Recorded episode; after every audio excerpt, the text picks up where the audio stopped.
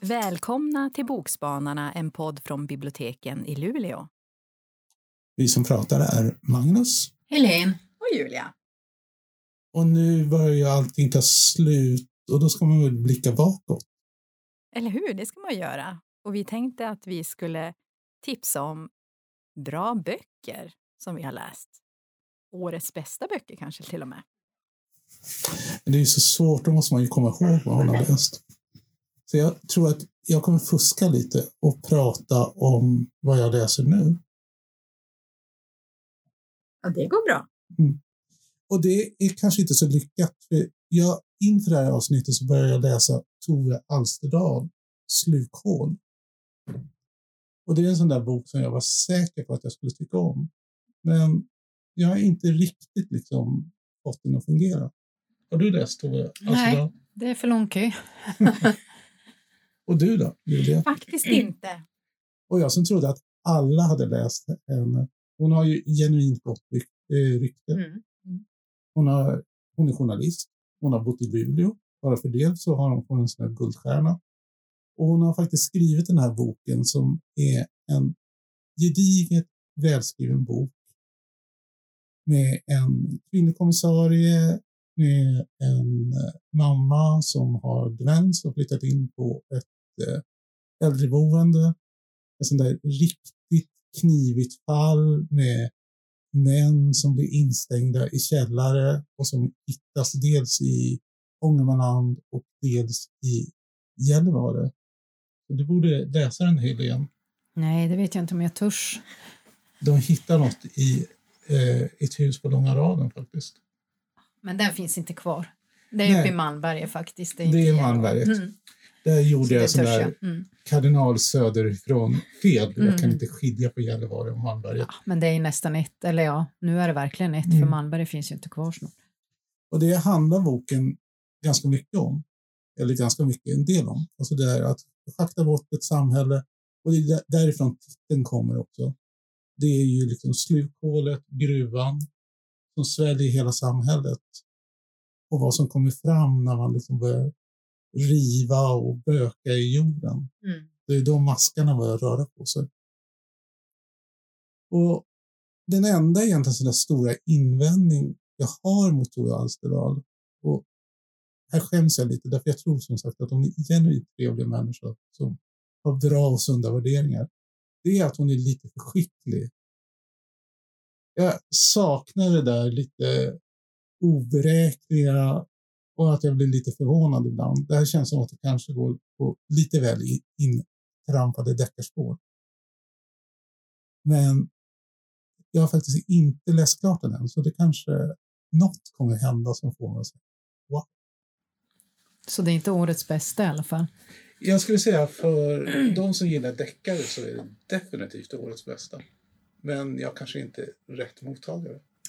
Men eftersom du då pratar om Gällivare så ska jag ta en bok som jag tycker, jag hade faktiskt i år lite svårt att hålla mig till tre årets bästa. Jag, tyck, jag tycker det brukar vara svårt att hitta en nästan ibland, men jag tycker det har kommit mycket bra böcker i år. Och en som jag tycker är jättebra och som jag tycker är vansinnigt viktig, det är Stöld av Ann-Helén Lestadius, eh, som handlar om samehatet som finns. Och jag som kommer från Gällivare har ju hört mycket kan man säga genom mina år. Nu hade jag sån tur så att jag hade ett par samiska mm, eh, studenter, höll jag på att säga, som gick, samer som gick i samma klass som mig när jag gick i skolan och eh, därför fick jag bland annat följa med på renskiljning som var en fantastisk upplevelse. Så att jag tror i våran klass har jag nog aldrig hört något fult om samer, men det var ju för att vi, ja, de var väl som oss. De gick ju med oss. Men den här stölden i alla fall, den tycker jag, hon har ju gått efter mycket som har hänt i verkligheten. Och det är ganska läskigt när man tänker, när man läser den här, att sådana här saker händer med hur folk plågar renarna och är hemska överhuvudtaget och polisen liksom utreder inte det. Tycker väl inte det är så viktigt eller något. Och boken handlar ju om den här samiska flickan Elsa som ser ser sin älskade ren bli dödad av en som hon känner igen. Då är hon bara nio år och ute på skidtur. Och så får man följa då henne, vad som händer i vuxen ålder och jag tycker den är eh, otroligt viktig faktiskt. En viktig bok att läsa och bra. Absolut, men när du pratar om den då tänker jag då måste vi prata om Himlabrand av Moa Backe Åstott. En fantastisk ungdomsroman för alla som utspelar sig kring Jokkmokk. Och här handlar det om 16-åriga Ante och han är same och hans, vars liv präglas av de samiska traditionerna och han är familjens enda barn så det ses ju som självklart för honom och hans föräldrar att han ska fortsätta arbetet med renarna. Men han har ju känslor för sin bästa kompis Erik som växer sig allt starkare och han vet inte om han kan vara den han är eh, och fortfarande vara renskötande same. Det är ju här verkligen en, som en stark debut som tog hjärtat.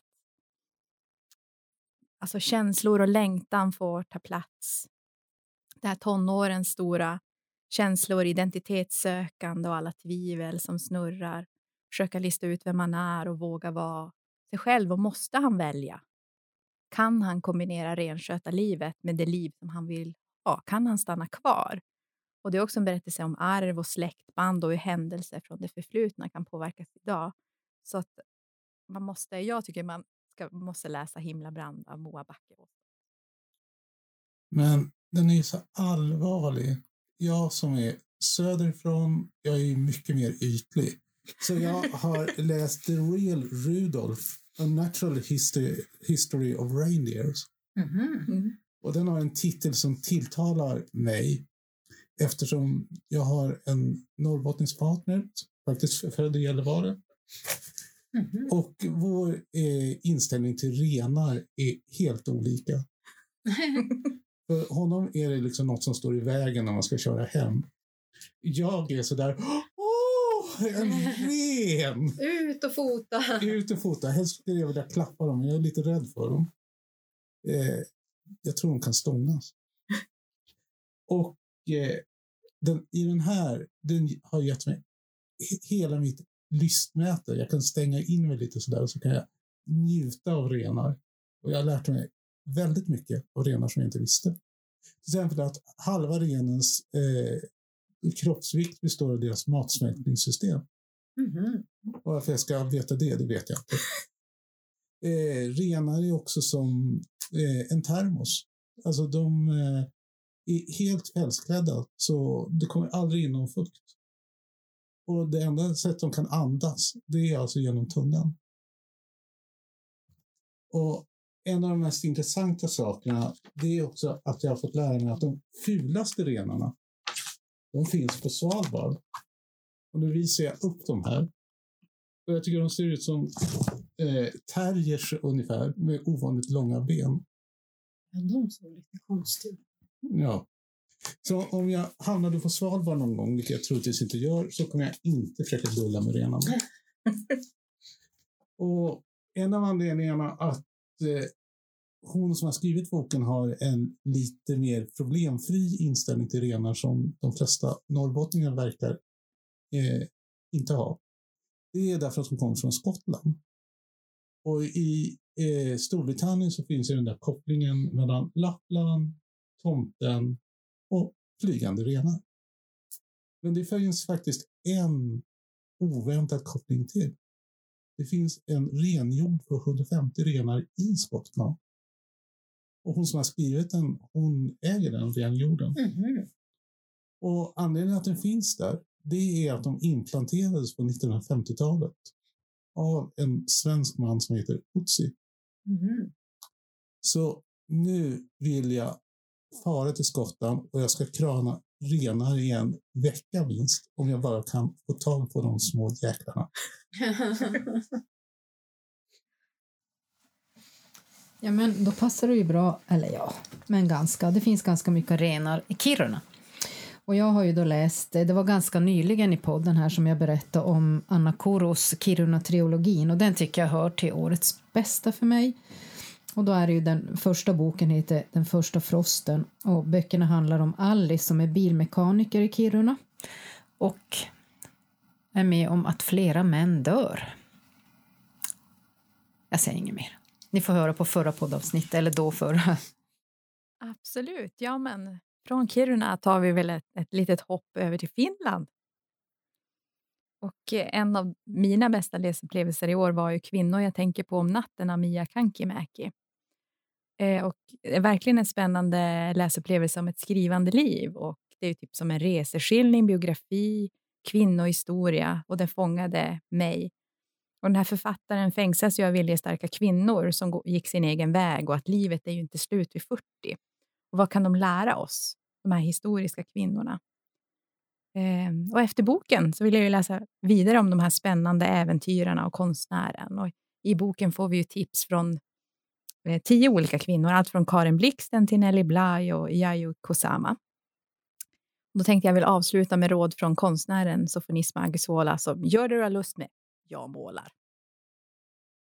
Då har jag en fråga till dig. Ja. Är Jane Austen en av de kvinnorna som du brukar tänka på på natten?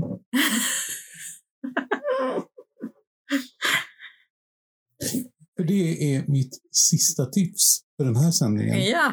Det är Jane Austens England, Daily Life in the Georgian and Regency Periods. Och om man då älskar monografier som jag gör, och en monografi det är när man letar upp ett litet ämne och så nöter man ut det på 300 sidor. Så är det en verkligen sån här guldgruva. De går igenom eh, den tidsperiod som sträcker sig under eh, när Jane Austen levde med lupp. Och egentligen så kanske man ska beskriva det att det är något Jane Austens England. För det England som man möter i hennes böcker har egentligen inte speciellt mycket att göra med det, det England hon levde i. Och det är förstås att hårdra det. Men liksom bara det faktum att England låg i krig under större delen av Janes och Austins levnadstid. Det är ungefär tio år av hennes liv som England var i fred. fred. Och samtidigt då, i och med att de krigen utspelades inte i England utan i Europa, så blir det liksom sån där lite märklig glaskupekultur som växer fram. Alltså man har en trygghet, men man är medveten om att liksom döden väntar hela tiden. Män liksom var ju att de eh, sändes ut i krig. För kvinnor så var det ju först, förstås det här med eh, barnfödsel. De har ett ganska långt kapitel om allt som kan hända när man liksom inte har fått bra sjukvård och ska föda barn.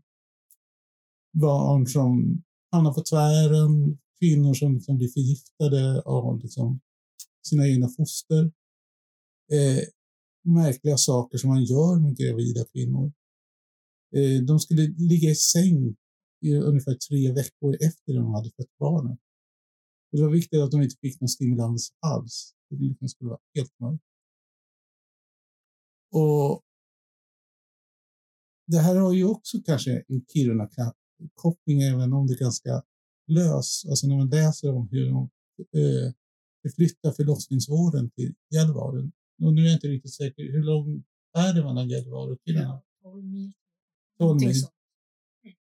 Och när man läser om de här eh, tidiga 1800-talskvinnorna som verkligen inte hade tillgång till någon förlossningsvård alls. Och jag måste säga att det slutar inte bra. Så om jag skulle önska något så är det förstås att alla ska läsa den här boken som jag absolut inte gör rättvisa för den handlar om massa andra saker också. Eh, barn som kryper i skorstenar och andra olika grejer. Men jag önskar att alla får den sjukvård som de förtjänar. Jag tänker när du pratar om barn som kryper i skorstenar så Mm. fick jag bara en sån här flashback när jag gick i skolan och min fröken läste Sotarpojken av Tetzner. Mm. Det var en sån där, åh. Och vi tjatade på henne, kan du inte läsa ett avsnitt till, snälla? Det var ett boktips förut, men det var inte den jag skulle prata om, utan min sista bok utspelar sig i Paris 1944. Och det är boken Sista natten i Paris av Ruth Drouart, hennes debutbok som jag också har pratat om i något poddavsnitt. Och det är ju då handlar ju om järnvägsarbetaren Jean-Luc som jobbar på en järnväg där han upptäcker att det är något konstigt med de här tågen. Vad innehåller de? Och inser att det är människor. Och en dag så när han jobbar, eller egentligen är det på kvällen tror jag, så får han helt plötsligt en nästan nyfödd liten judisk pojke i sina armar och mamman säger ta hand om min son och sen är hon borta. Så den utspelar sig i Paris 44 och sen i USA 1900 på 50-talet. Och det här var en sån här bok som jag bara, jag började läsa, sen kunde jag nästan inte sluta och den är gripande och omtumlande och ja, eh, jag tror det är en bra bokcirkelbok som jag sa då, för det finns en del att diskutera. Ruskigt bra tyckte de. Mm. Men då stannar vi väl i Frankrike. För jag skulle vilja tipsa om De sista indianerna av Marie-Hélène Lafon. Den har jag även tipsat om tidigare som de andra. Men det här är ju som en stilla bok som man läser med eftertanke. Det handlar ju om två syskon, Marie och Jean, som båda är i 50-årsåldern och är ogifta och barnlösa och de bor ensamma tillsammans på en gård på franska landsbygden när deras mamma har dött och lantbruket på gården är ju nedlagt sedan länge och de är ju vilsna efter mammans död för mamman var ju den här stora karaktären som bestämde allting. Så tiden går och när de är kvar, Marie, hon krymper sin värld. Känns som att hon känner sig osynlig. Hon står där vid fönstret och tittar på grannarna och kollar vad de sysslar med och hur de lever sina liv. Och det är som att att hon lever med sina grannar utan att de vet om det, för hon fantiserar som vad de gör efter hon ser hur, de, hur barnen växer efter kläderna på klädsträcket och vad som händer. Eh, hon har varit liksom på samma ställe i hela sitt liv. Ehm, hon har inte haft förmågan att ta sig därifrån. Ehm, så så det är som en fantastiskt skrivet om ett förspilt, förspilt liv. Eh, och jag har tänkt mycket på den här efteråt och jag tror jag ska läsa om den för att se om jag får samma. Och jag har författarens senaste bok, En sons historia, hemma som jag har tänkt läsa nu under ledigheten och det blir min tredje bok som jag läser av, av eh, Marie-Hélène Lafon, så att eh, hon är på väg att bli en ny favoritförfattare för mig. Mm. Men om du skulle välja någon av de tre böcker som du har pratat om som är allra bäst? Oj, oj, oj, det var svårt. Men det blir, alltså om jag bara får välja, det blev jättesvårt. Jag har ju valt tre stycken som jag tyckte var jättebra. Så att, nej, jag, vet, jag tror inte jag kan bara välja en. Det beror, beror nog på vem, vem eh, som jag ska ge tipset till om jag ska tipsa om en av de här. Men jag gillar dem jättemycket. Och så pratar ju en sann bokälskare. För det är ju så, det finns ju inte bara en bra bok, utan alla böcker är bra. Eller hur? Allt beror på också vad, vem, vem, vem läsaren är och vad man, själv, vad, vad man gillar för någonting. Men de tre läsupplevelserna som jag vill ge vidare till er är ju Kvinnor jag tänker på om natten av Mia Kankimäki, Himla brand av Moa Backe Åstott och den fantastiska De sista indianerna av Marie-Hélène Lafon. Och mina tre bästa för året var Ann-Helén Elestadius Stöld, Sista natten i Paris av Ruth Drouart och Anna Koros Kiruna-trilogi. Och mina två bästa just nu är Real Rudolph av Tilly Smith och Jane Austens England av Roy Leslie Atkins. Och så pratar jag ju då om Tove Alsterdals Slukhål som jag faktiskt är övertygad om att alla andra kommer älska mer än jag gjorde. Och jag nämnde lite grann Sotarpojken av Tetzner. När de eh, gjorde det kriminellt att eh, man kanske ska prata om det här med sotarpojkarna, vi ändå har tagit upp det. Det var så att på 1800-talet eh, när man sotade, de hade så eh, tajta skorstenar, mm. så de sände alltså upp barn som kröp igenom skorstenarna. Mm. Barfot. Barfota. Och eh, de eh, får ju väldigt illa. Dels så hände det liksom att de fastnade, men av liksom det här sotet så fick de cancer också. Men gud. Så om man tycker att det är eländigt nu, det kanske inte var bättre förr. Nej. Och med det kanske vi ska önska alla en god fortsättning. Ja, Det kan bara bli verkligen. bättre. Jag hoppas ni slipper krypa upp i några skorstenar i alla fall. Nej, det är bättre att gråta ner sig i böcker. Ja, nu är det ett nytt år och fullt med nya läsupplevelser väntar. Eller hur? Mm. Ja, god fortsättning, fortsättning och hej då. Hej då! då.